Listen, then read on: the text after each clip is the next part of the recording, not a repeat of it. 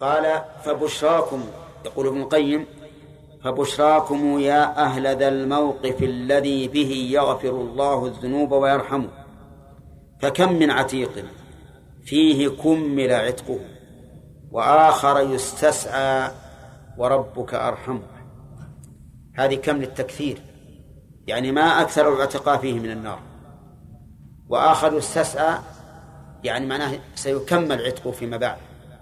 لكونه فاته العتق في هذا اليوم لكن خفف عنه فصار كالعبد الذي يستسعى ليكمل عتقه. وما رؤي الشيطان أغيض في الورى وأحقر منه عندها وهو الأمر الشيطان لا شك أنه عدو لنا وكل عدو فإنه يغيظه أن يرحم عدوه. أليس كذلك؟ وكل عدو يفرح بما يسوء عدوه. الشيطان إذا رأى رحمة الله عز وجل في هذا اليوم تنزل على أهل الموقف فإنه يغيظه هذا الشيء. ما رؤي الشيطان أغيض في يوم من الأيام من يوم عرفة إلا ما رؤي يوم بدر.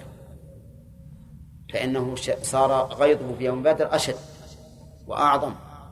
لأن يوم بدر حصل فيه من نصرة النبي عليه الصلاة والسلام وأصحابه بل من نصرتنا نحن إلى يوم القيامة ما لم يحصل مثله حتى سماه الله تعالى يوم الفرقان قتل من صناديد قريش عدد لم يقتل في في أي موضع في أي وقعة مثل ما قتل في يوم بدر ومع ذلك كان المسلمون كم عددهم؟ ثلاثمائة وبضعة عشر رجلا يقابلون نحو ألف رجل. والمسلمون ليس معهم إلا سبعون بعيرا وفرسان فقط يتعاقبون عليها. وأولئك القوم أعداؤهم قد جاءوا بعددهم وعددهم. جاءوا كما قال الله عز وجل خرجوا من ديارهم بطرا ورئاء الناس.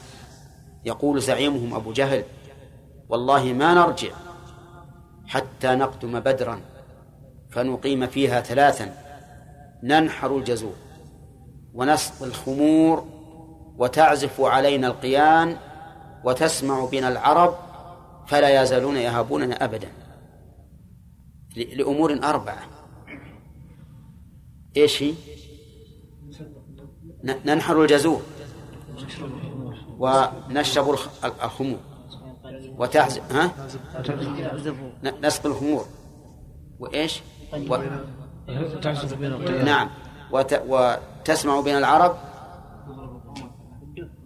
وتضرب ع... نسي الله يهديكم. حتى نقيم فيها ثلاثا. ننحر الجزور. ونسقي الخمور. وتعزف علي القيان. وتسمع بنا العرب. فلا يزالون يهابوننا أبدا. هذه الأغراض الأربعة صارت على عكس ما أراد. صارت والحمد لله ذلا لهم إلى يوم القيامة. سمعت بهم العرب لكن سمعت بإيش؟ بذلهم وهزيمتهم. قتل من صناديدهم أربعة وعشرون رجلا. سحبوا في القليب ألقوا في قليب من قلوب بدر. خبيثة. ووقف النبي عليه الصلاة والسلام عليهم يقول بأسمائهم وأسماء آبائهم يا فلان ابن فلان هل وجدتم ما وعد ربكم حقا؟ فإني وجدت ما وعد ربي ما وعدنا ربي حقا. كلمهم وهم أموات توبيخا وتقريعا وتنديما لهم. لما قالوا له يا رسول الله كيف تكلم أقواما جيفوا قال ما أنتم بأسمع لما أقول منهم. يعني يسمعون أكثر مما تسمعون لكنهم لا يجيبون. فالمهم أن الشيطان يغتاظ يوم عرفة يغتاظ يوم عرفة وما رؤي أعظم يوم عرفة إلا يوم إلا يوم بدر. لأن يوم بدر شأنه عظيم سماه الله تعالى يوم الفرقان. ويأتي إن شاء الله بقية كلام المؤلف يلا. سم. بسم الله الرحمن الرحيم.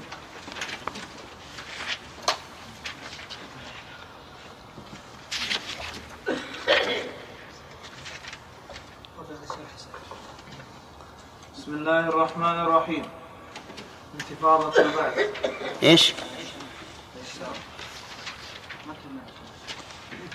إيش وش اللي وقفنا عليه؟ ها؟ إيه منين؟ كيف؟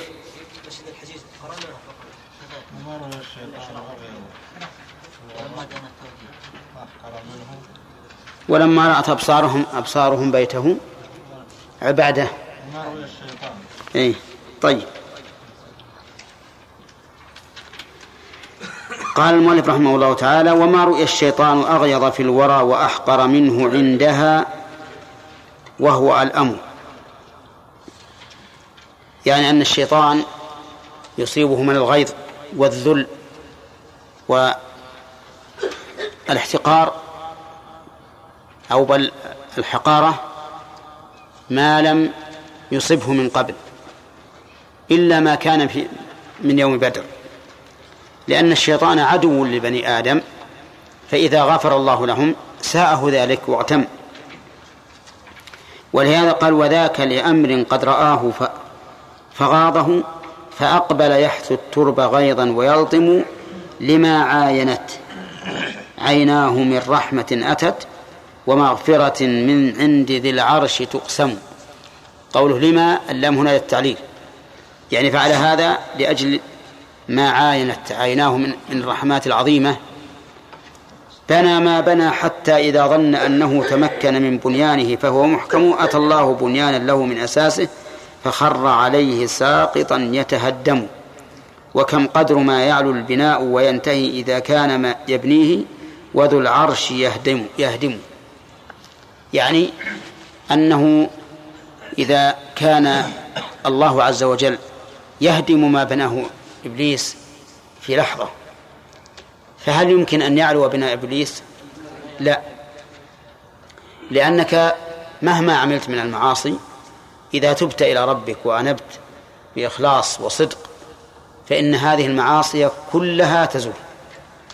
قل يا عبادي الذين أسرفوا على أنفسهم لا تقنطوا من رحمة الله إن الله يغفر الذنوب جميعا. قال وراحوا إلى جمع أي الحجاج راحوا إلى جمع. والرواح قد قد يراد به مجرد مجرد الانطلاق. ليس الانطلاق في آخر النهار. ومنه قول قول النبي صلى الله عليه وسلم في حديث أبي هريرة في من تقدم إلى يوم الجمعة قال من راح في الساعة الأولى. وهذا في أول النهار. وقول من يقول إن الرواح في آخر النهار ولا يصح لغير ذلك قول لا لا أصل له. فاللغة العربية تدل على أن الرواح وإن كان في الأصل يكون بعد الزوال لكن قد يطلق على مجرد الذهاب.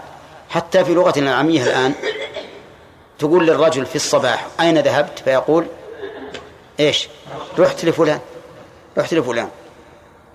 فقوله راحوا إلى جمع متى راحوا؟ ما يذهبون إلى جمع إلا بعد غروب الشمس.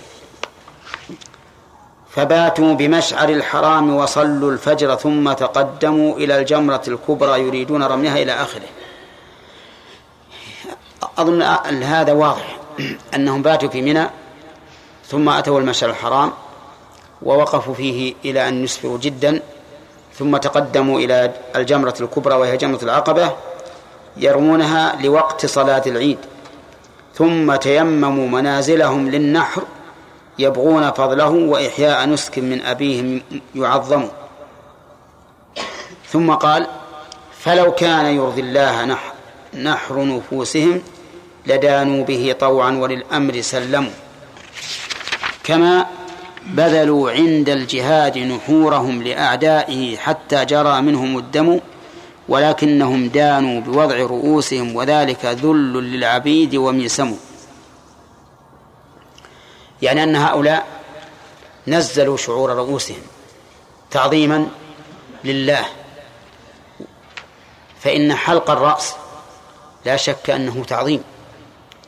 بل إن العسكر الآن إذا مر بهم من يعظمونه خلعوا ما فوق رؤوسهم من القلنسوات. تعظيما له. فهذا تعظيم لله. ولو رضي الله منهم أن يحلقوا نفوسهم لحلقوها. يعني لذبحوا أنفسهم. انظر إلى إبراهيم عليه الصلاة والسلام. لما أمره الله تعالى أن يقتل ابنه يذبحه. ماذا ماذا صنع؟ ها؟ امتثل مع أنه ليس له ابن سواه وقد جاءه على كبر ولكنه امتثالا لأمر الله استسلم إلا أن رحمة الله عز وجل أدركته فأوحى الله تعالى إليه أن يفديه بذبح عظيم وآتاه أجره كاملا وبني. بنو إسرائيل لما قيل لهم في التوبة اقتلوا أنفسكم قتلوا أنفسهم. أخذوا سكاكين واجتمعوا ثم صار بعضهم يقتل بعضا. تحقيقا للتوبة. المؤمنون لو أن الله رضي منهم أن يقتلوا أنفسهم لكانوا يقتلونها. يعني لو قال لك ربك اقتل نفسك فمقتضى الإيمان أن تقول سمعا وطاعة وتقتل نفسك. ثم ضرب المؤلف مثلا قال كما بذلوا عند الجهاد نحورهم لأعدائهم. حتى جرى منهم الدم. نعم. المؤمن حقا المحب لله المعظم له. لا يهمه أن يقدم نحره لعدوه وعدو ربه. إعلاء لكلمة الله عز وجل. فهم بذلوا نحورهم لأعدائه حتى جرى منهم الدم. حتى إن الواحد منهم إذا طعن قال فزت ورب الكعبة. نعم. ويرى أن هذا فوز وهو والله فوز لأنه ينتقل من حياة الصغب الصخب والندم والتعب والحزن والتنغيص والتكدير إلى دار فيها ما لا عين رأت ولا أذن سمعت ولا خطر على قلب بشر. ولا تحسبن الذين قتلوا في سبيل الله أمواتا بل أحياء آه عند من؟ عند الله. عند ربهم. وهذه الربوبية الخاصة. إضافة خاصة لم ينلها إلا من كان مثلهم أو أعلى منهم. عند ربهم يرزقون. حي يرزق. روحهم أرواحهم في أجواف طير خضر. يلا من فضلك. تسرح في الجنة وتأكل حيث شاءت ثم تأوي إلى قناديل معلقة تحت العرش. هذا فضل عظيم. لما أخر لما خرجت أنفسهم من هذه الأجساد الذائبة الترابية جعلت في أجساد طير أخضر يسرح في الجنة حيث شاء. فلذلك قتلهم في سبيل الله فوز لهم. فوز لهم. فرحين بما آتاهم الله من فضله ويستبشرون بالذين لم يلحقوا بهم من خلفهم ألا خوف عليهم ولا هم يحزنون. يستبشرون بنعمة من الله وفضل وأن الله لا يضيع أجر المؤمنين. طيب. قال ولكنهم دانوا بوضع رؤوسهم وذلك ذل للعبيد وميسم أي علامة. ميسم يعني علامة على الذل. نعم. انتهى؟ أقول انتهى الآن؟ باقي؟ ها؟ كلها ميمية أي طيب.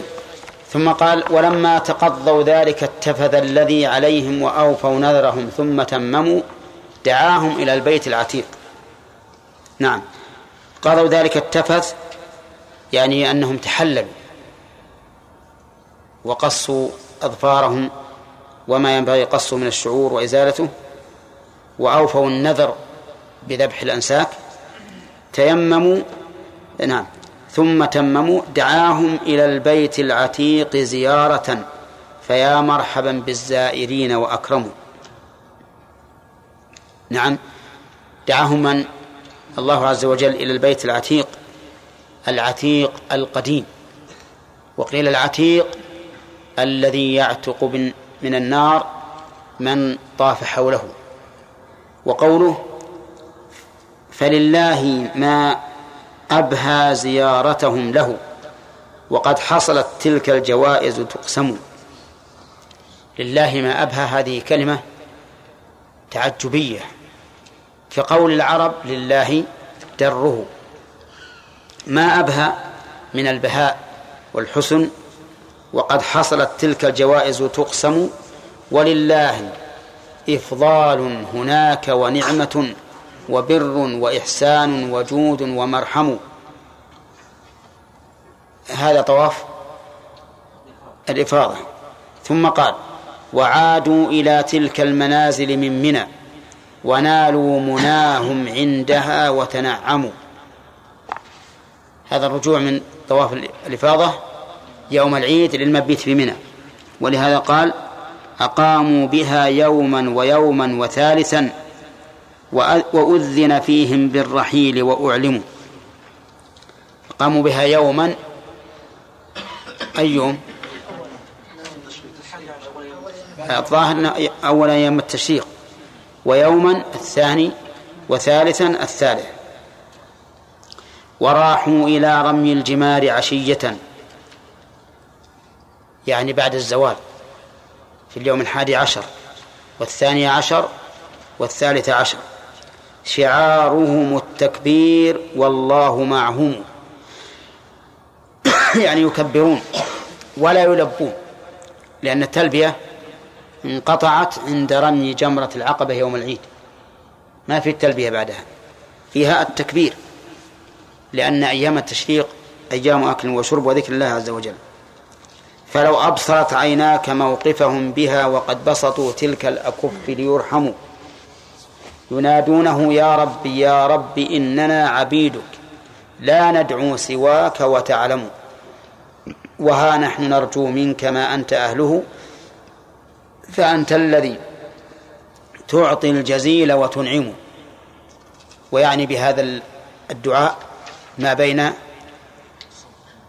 الجمرتين الأولى والوسطى والوسطى وجمرة العقبة. ولما تقضوا من منى كل حاجة وسالت بهم تلك البطاح تقدموا إلى الكعبة البيت الحرام عشية وطافوا بها سبعا وصلوا وسلموا. ولما دنا التوديع منهم وأيقنوا بأن التداني حبله متصرم ولم يبق إلا وقفة لمودع فلله أجفان هناك تسجم. هذا طواف الوداع. كان المؤلف يريد أن يسوق صفة الحج على صفة ما فعله رسول الله صلى الله عليه وسلم.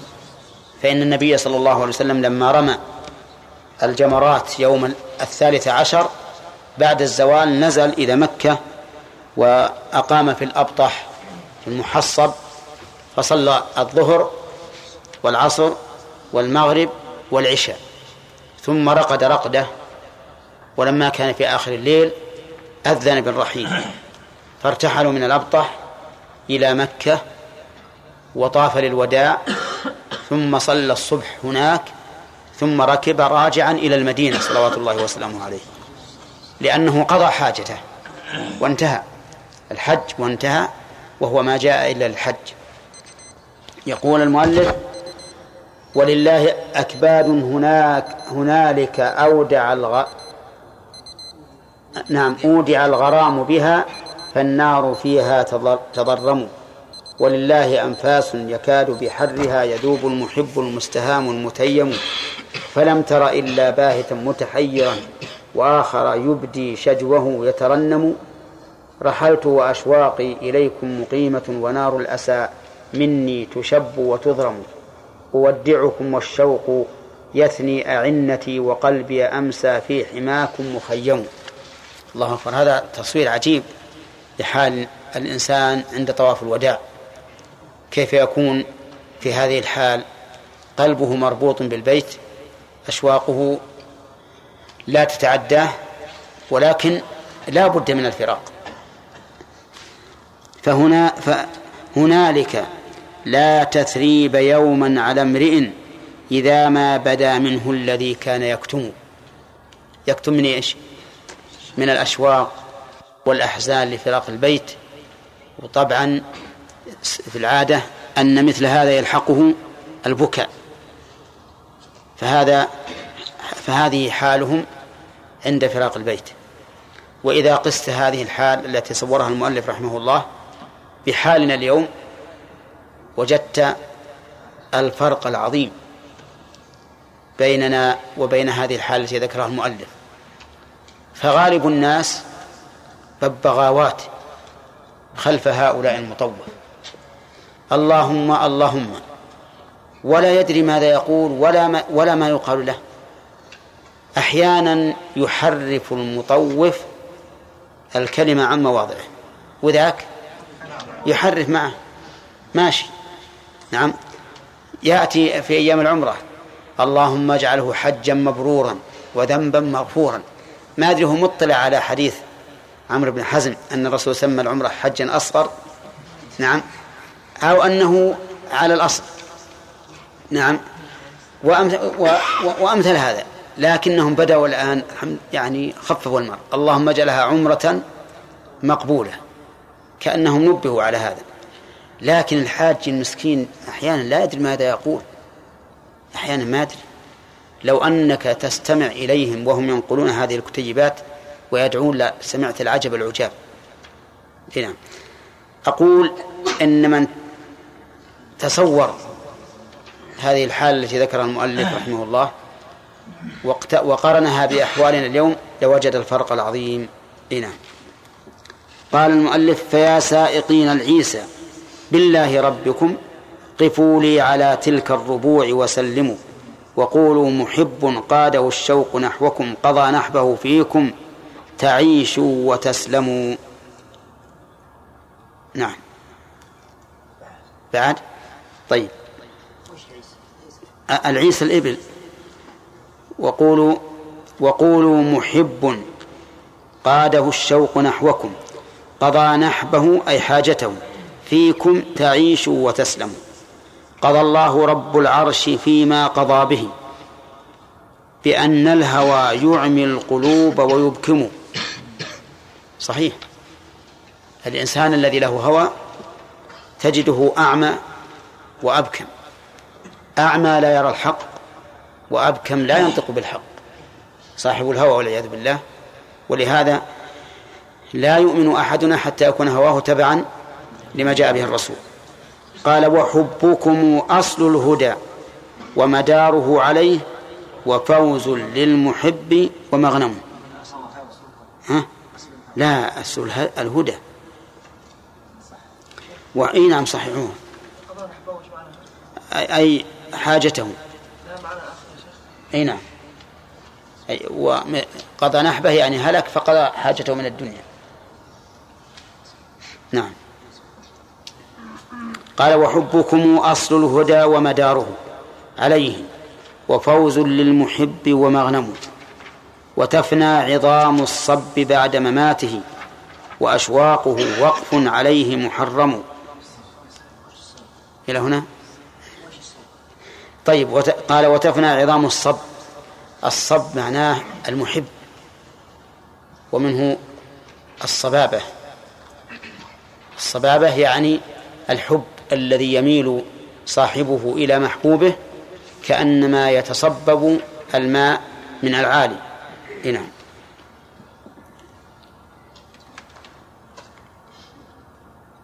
بسم الله الرحمن الرحيم. فيا أيها القلب الذي ملك الهوى أزمته حتى متى ذا التلوم وحتى ما وحتى ملا وحتى ما لا تصحو لا ملا وحتى ما لا تصحو وقد قرب المدى ودنت كؤوس السير ودنت. دنت. دانت. عندي ودنت. لأن دانت ما له معنى. هي صحيح. صحيح اللي عندنا صحيح. وحتى ما لا تصحو وقد قرب المدى ودن ودنت. ودنت ودنت كؤوس السير والناس نوم انتفاضة البعث. فلا سوف تصحو حين ينكشف الغطاء ويبدو لك الأمر الذي أنت تكتم ويا موقدا نارا لغيرك ضوءا وحر لظى بين جنبيك يظلم. يضرم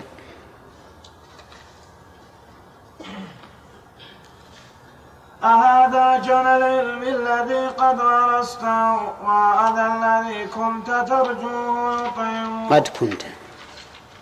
قد قد كنت ترجوه. إيه ما ما ذكرت قد.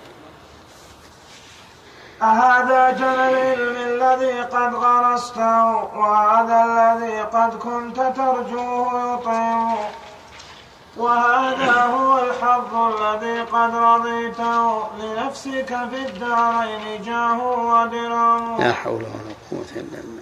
وهذا هو الربح الذي قد كسبته لعمرك لا ربح ولا الأصل يسلم. لا حول ولا بخلت بشيء لا يضرك بذله وجدت بشيء مثله لا يقوم. بخلت بذا الحظ الخسيس دناة وجدت بدار الخلد لو كنت تفهم. وبئت نعيما لا انقضاء له ولا نظير ببخس عن قليل سيعدم. فهلا عكست الامر ان كنت حازما ولكن أضعت الحزم لو كنت تعلم وتهدم ما تبني بكفك جاهدا فأنت مدى الأيام تبني وتهدم. وعند مراد الله تفنى كميت وعند مراد النفس تسدي وتلحم. الله أكبر. وعند خلاف الأمر تحتج بالقضاء ظهيرا على الرحمن للجبر تزوم للجبر. للجبر. وعند خلاف الأمر تحتج بالقضاء ظاهرا على الرحمن للجبر تزوم تنزه منك النفس تنزه. تنزه. تنزه. تنزه منك النفس عن سوء فعلها النفس.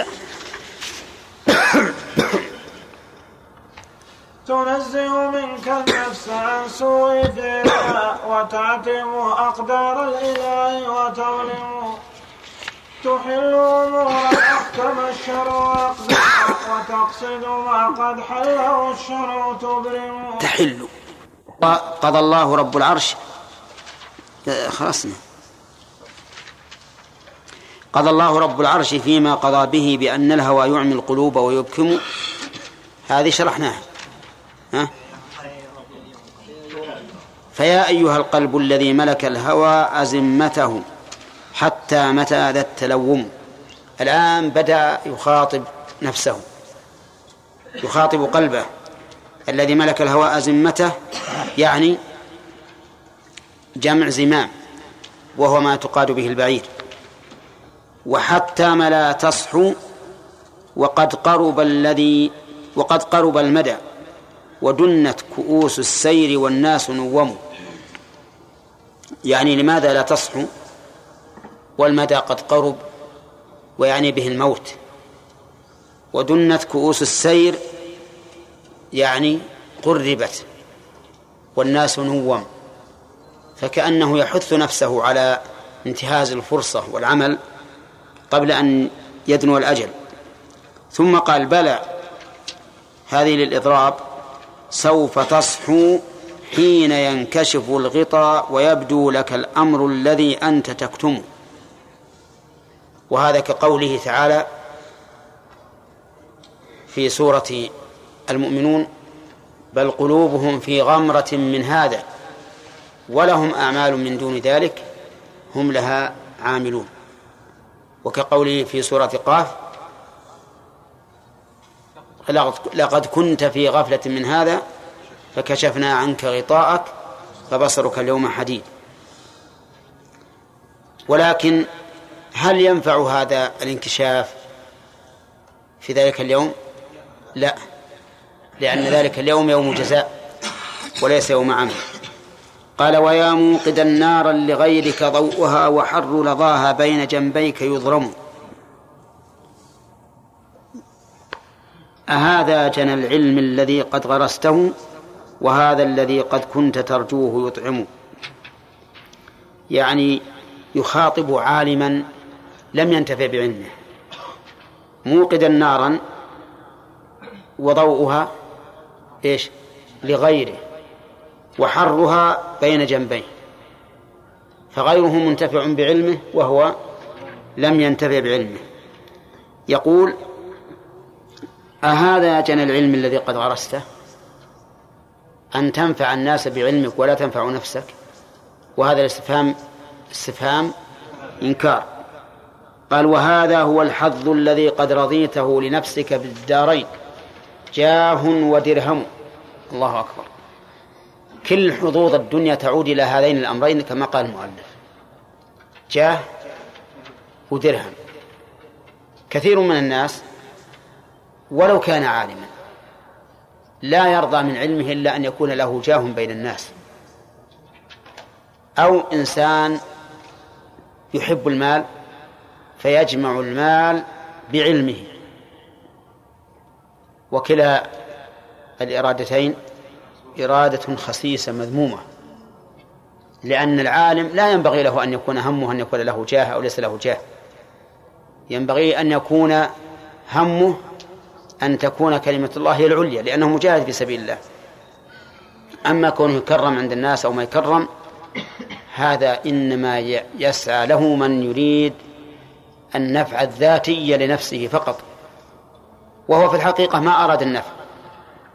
لأن النفع الحقيقي بعلمك أن تقصد به وجه الله وإعلاء كلمته حتى يكون تكون شريعة الله هي المتمكنة في أرض الله. قال وهذا هو الربح الذي قد كسبته لعمرك لا ربح. صحيح ما في ربح. إنسان ما ربح من من علمه إلا جاه في إلا جاها في الدنيا. أو درهما ما ربح في الحقيقة. الذي لا يربح من علمه درجات عند الله عز وجل فهو خاسر. القرآن حجة لك أو عليك. نسأل الله أن يخلص لنا ولكم النية. يقول لعمرك لا ربح ولا الأصل يسلم. ما حصلت ربح والأصل ما سلم. لأنه جاء في الحديث عن الرسول عليه الصلاة والسلام أن من طلب علما وهو مما يبتغى به وجه الله لا يريد إلا أن ينال عرضا من الدنيا لم يرح رائحة الجنة. نعوذ بالله. فالأمر خطير. قال بخلت بشيء لا يضرك بذله وجدت بشيء مثله لا يقوم. ثم فسر. قال بخلت بذا الحظ الخسيس دناءة وجدت بدار الخلد لو كنت تفهم. هذه لو للتمني. يعني ليتك تفهم. شوف بخل بشيء لا يضره بذله. ما هو؟ الدنيا. الدنيا لو تذهب كلها عنك ما تضر. وجدت بشيء مثله لا يقوم وهو الجنة والآخرة من فضل. هذه لا يقوم. لا يمكن أن يكون قيمة لها كل الدنيا. قال النبي عليه الصلاة والسلام لموضع صوت أحدكم في الجنة خير من الدنيا وما فيها. أخرجه الإمام أحمد من حديث المستورد بن شداد. لموضع صوت أحدكم في الدنيا آه، في الجنة خير من الدنيا وما فيها. شوف موضع الصوت. كم مقداره؟ متر مثلا. خير من الدنيا أي دنيا؟ ليست دنياك التي تعيشها ولا دنيا عصرك بل الدنيا كلها من أولها إلى آخرها. موضع صوت في الجنة خير من الدنيا وما فيها. كل الذين يسعون للجاه أو يسعون للمال ماذا يصيبهم؟ هو إن حصلوا عليه الجاه أو المال. وكل هذا لا يساوي شيئا عند الله عز وجل. فما بالنا نهدم هذا الصرح العظيم صرح العلم بهذه النية الدنيئة. فالواجب أن يصحح الإنسان نيته في طلب العلم. وهذا من الآداب يا أحمد؟ نعم. من الآداب. أي ومن الآداب أيضا أن لا يصح الطالب وهو في مكان الطلب. طيب. يقول و وبعت نعيما لا انقضاء له ولا نظير ببخس عن قليل سيعدم. صح. وهو نعيم الجنة لا انقضاء له ولا نظير له. قال الله تعالى فلا تعلم نفس ما أخفي لهم من قرة أعين. وقال النبي صلى الله عليه وسلم قال الله تعالى أعددت لعباد الصالحين ما لا عين رأت ولا أذن سمعت ولا خطر على قلب بشر. وقال ابن عباس ليس شيء في الدنيا في الجنة من مما في الدنيا إلا الأسماء. رمان ورمان لكن فرق فرق عظيم. فهل لا عكست الأمر إن كنت حازما؟ هل هنا للتحضيض يعني يحضنا المؤلف رحمه الله على أن نعكس الأمر.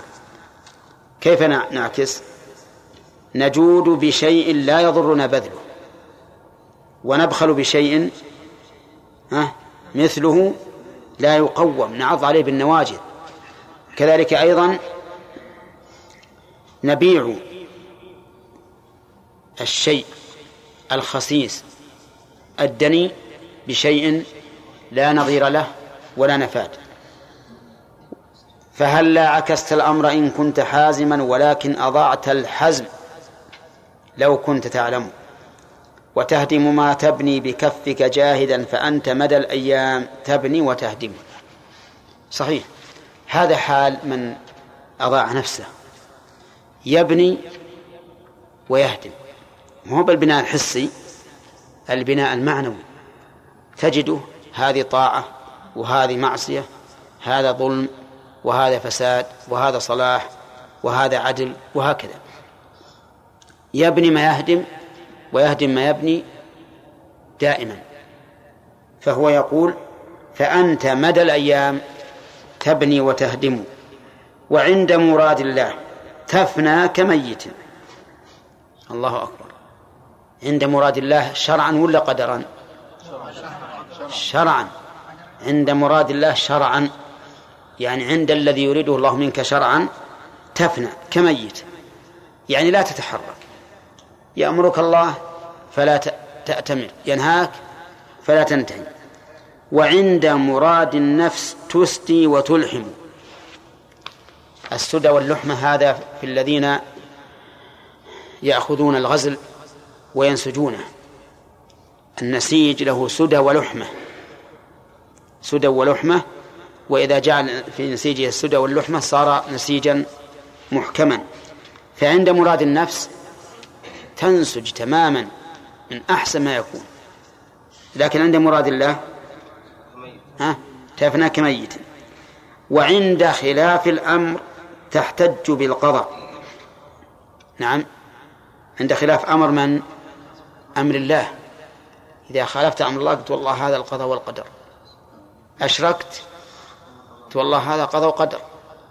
زنى قال هذا قضاء وقدر. شرب الخمر قال هذا قضاء وقدر. ظهيرا على الرحمن للجبر تزعم ظهيرا يعني معينا معينا عليه يعني تحتج على الله بقضائه. فكأنك تقيم الحجة على ربك فتقول يا رب أجبرتني. نعم. تنزه منك النفس عن سوء فعلها وتعتب أقدار الإله وتظلمه. النفس تنزه تقول أنا ما, ما أنا أريد الظلم لكن هذه القضاء والقدر. هو اللي خلاني أظلم هو اللي خلاني أكذب هو اللي خلاني أسرق إلى آخره. وهذه حال كثير من الناس. عند فعل المعاصي من أهل الجبر. وعند فعل الطاعات قدري. جبري عند المعاصي قدري في الطاعات. وش معنى ذلك؟ القدرية يقولون إن الإنسان مستقل بعمله ما لله فيه دخل ما يدخل الله في عمله. فإذا فعل الطاعة قال هذا مني هذا مني. وفخر بها على الله عز وجل. وإذا فعل المعصية قال هذا من الله هو مجبر. فيكون جبريا في المعاصي قدريا في الطاعات ولهذا قال ينز تنزه منك النفس عن سوء فعلها وتعتب أقدار الإله وتظلم. تحل أمورا أحكم الشرع عقدها وتقصد ما قد حله الشرع تبرم. هذه المعاكسة التامة. الأمور التي أبرمها الشرع تحلها. وما حله الشرع تبرمه. ففي الواجبات التي أحكمها الشرع وأمر بها تذهب تحلها وتفكك عقدها. في المحرمات تضيق تضيق و ولا يهمك ما حرمه الشارع. فأنت في الواقع مخالف لأمر الشارع في النهي والأمر. وتفهم. نعم.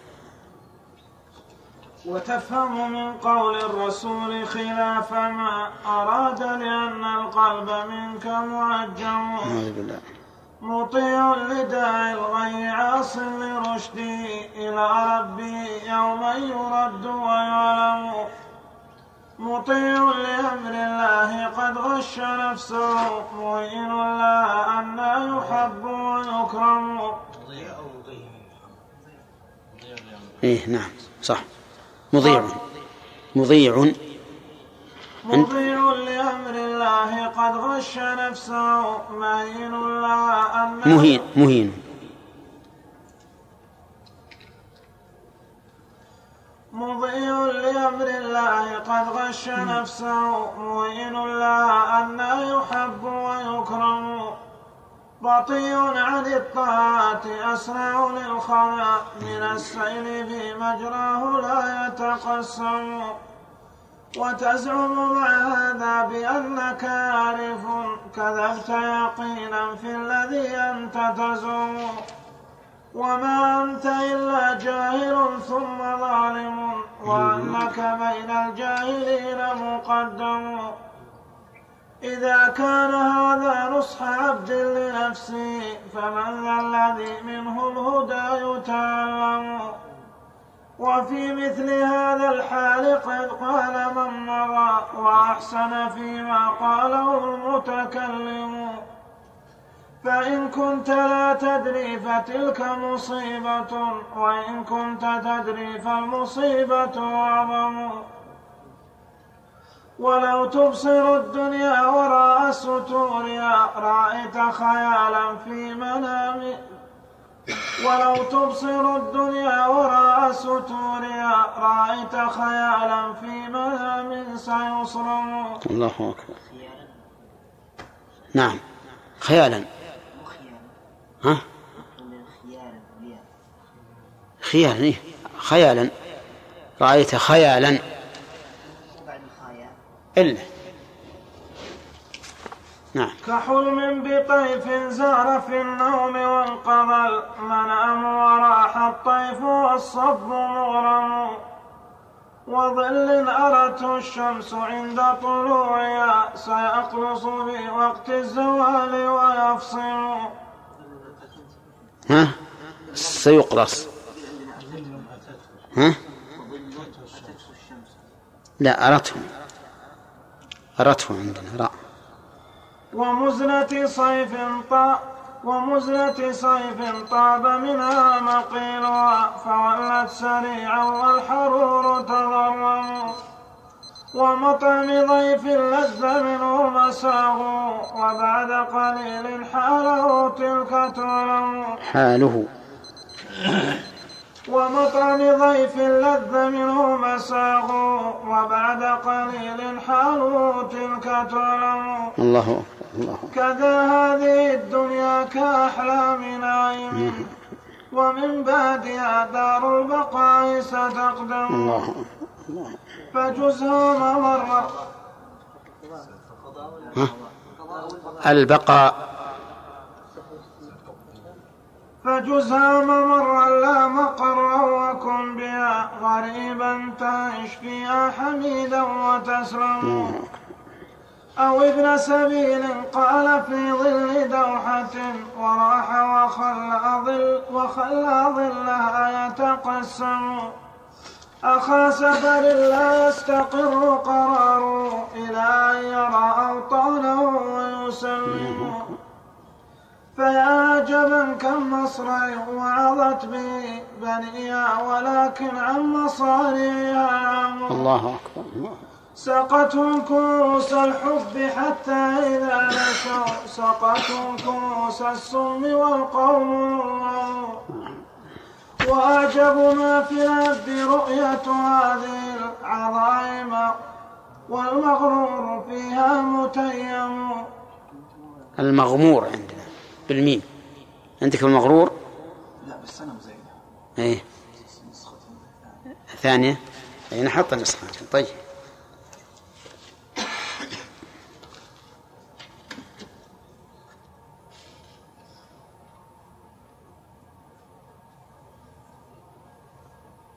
نعم وما ذاك إلا أن خمرة حبها لتسلب عقل المرء منه وتصلم وأعجب من ذا أن أحبابها الأولى تهين وللأعداء تراعي وتكرم. الله أكبر.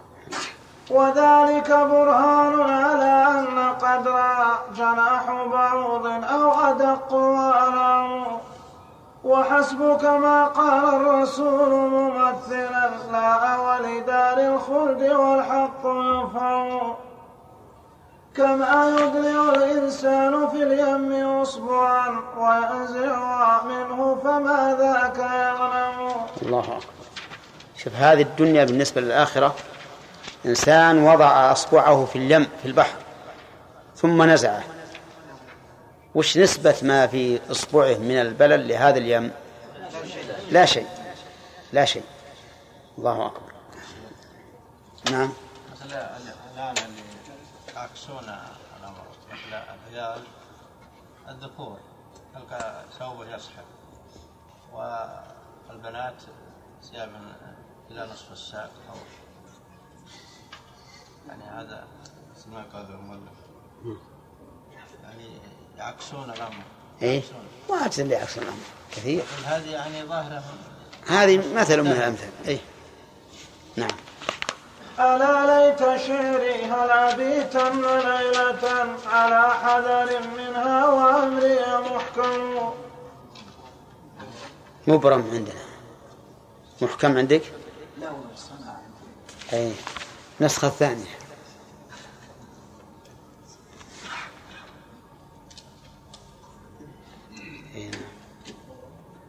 محكم نسخة ثانية.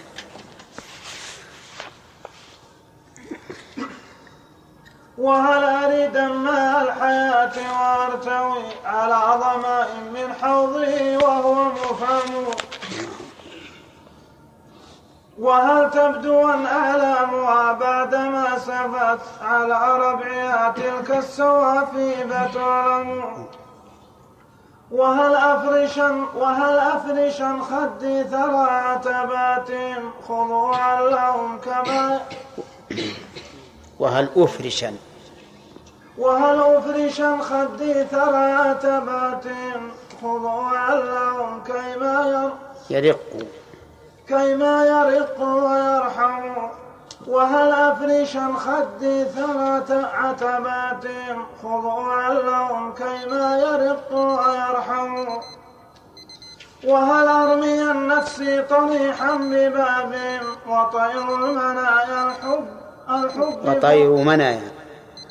وهل أرمي النفس طريحا بباب وطير منايا؟ الحب فوقي تحوم فيا أسفي تفنى الحياة وتنقضي وذا العتب باق ما بقيتم وعشتم فما منكم بد ولا عنكم غنى وما لي, وما لي من صبر فأسلو, فأسلو عنكم. ومن شاء فليغضب سواكم فلا أذى إذا كنتم عن عبدكم قد رضيتم. وعقب اصطباري في هواكم حميدة ولكنها عنكم عقاب ومأثم وما أنا بالشاكي لما ترتضونه ولكنني أرضى به وأسلم وحسب انتسابي من بعيد إليكم ألا إنه حظ عظيم مفخم ها؟ كيف؟ قال بعيد يعني انه بعيد ألا إنه حظ عظيم. وحسب انتساب من بعيد إليكم. من وعيد؟ لا بعيد.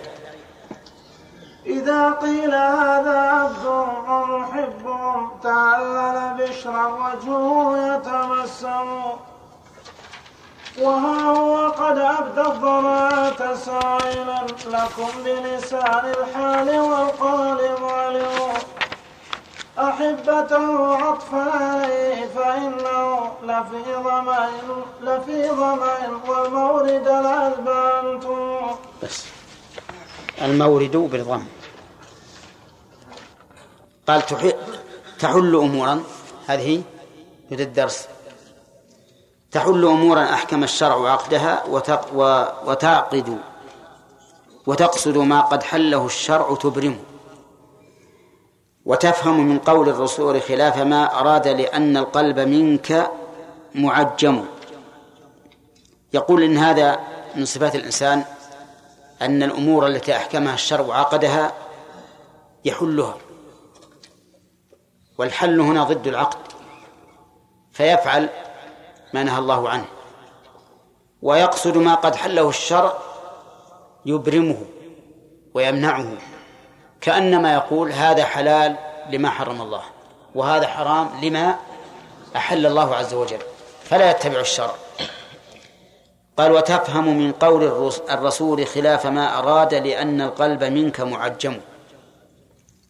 إذا قال النبي عليه الصلاة والسلام قولا فإنك تفهم منه خلاف ما أراد.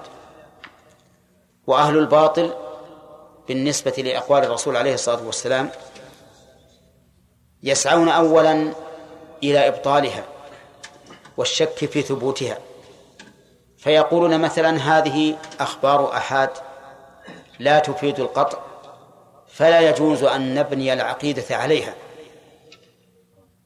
وردوا بناء على هذه القاعدة الفاسدة الدامرة الخاربة ردوا أشياء كثيرة من أحاديث الصفات. الذاتية والفعلية بناء على إيش؟ على أنها أخبار أحد. لا تفيد القطع والعقيدة لا بد فيها من القطع والظن. كأنما نسوا قول الله عز وجل وما أرسلنا من قبلك إلا رجالا نوحي إليهم فاسألوا أهل الذكر. هذا مقام الرسالة. مقام الرسالة عقيدة ولا غير عقيدة. عقيدة. ومع ذلك قال اسألوا أهل الذكر إن كنتم لا تعلمون. ومن المعلوم أن أن خبر غيرك لا يفيد القطع عندك إنما يفيد الظن وغلبة الظن. طيب إذن هذا أول أول هذا أول معول يهدمون به النصوص. فإذا عجزوا إذا عجزوا عنها وكانت النصوص متواترة عمدوا إلى أمر آخر وهو التعطيل عن طريق التحريف. التحريف أصوب من قو من التأويل. هم يقولون تأويل ونحن نقول تحريف. لكنهم يقولون تأويلا ليخف الأمر. إذ لو قالوا إنه تحريف لنفر الناس منهم. وما قبلوا منهم صرفا ولا عدلا. لكن يقولون تأويل من باب التلطيف. ونحن نقول ليس هذا بتأويل. لأن التأويل هو أن يفسر كلام الله ورسوله بما أراد الله ورسوله. هذا التأويل الحقيقي الصحيح أما أن يحرف فهذا تحريف. فهم يفهمون من من قول الرسول خلاف ما أراد الرسول عليه الصلاة والسلام. لماذا؟ لأن القلب والعياذ بالله معجم. معجم قد أعجم عليه فلا يفهم. ولهذا يجب على الإنسان أن يكون دائما يسأل الله تعالى أن يفتح عليه وأن يصرف قلبه إلى طاعته. ثم قال مطيع لداعي الغي عاص لرشده إلى ربه يوما يرد ويعلم. يعني أن هذا الإنسان أيضا يطيع داعي الغي ولكنه يعصي داعي الرشد. والرشد في كل مقام يجمعه معنى واحد وهو حسن التصرف. وفي كل مقام بحسبه. فالرشد حسن التصرف. ففي باب العبادة أن يقوم الإنسان بما أمر الله به ورسوله ويترك ما نهى الله عنه ورسوله. في باب المال أن يبيع ويشتري ويؤجر ويؤجر ويستأجر بدون غبن وفي كل مقام بحسبه وأما الغي فهو ضد الرشد. مطيع مضيع لأمر الله. قد غش نفسه مهين لها أن يحب ويكرم.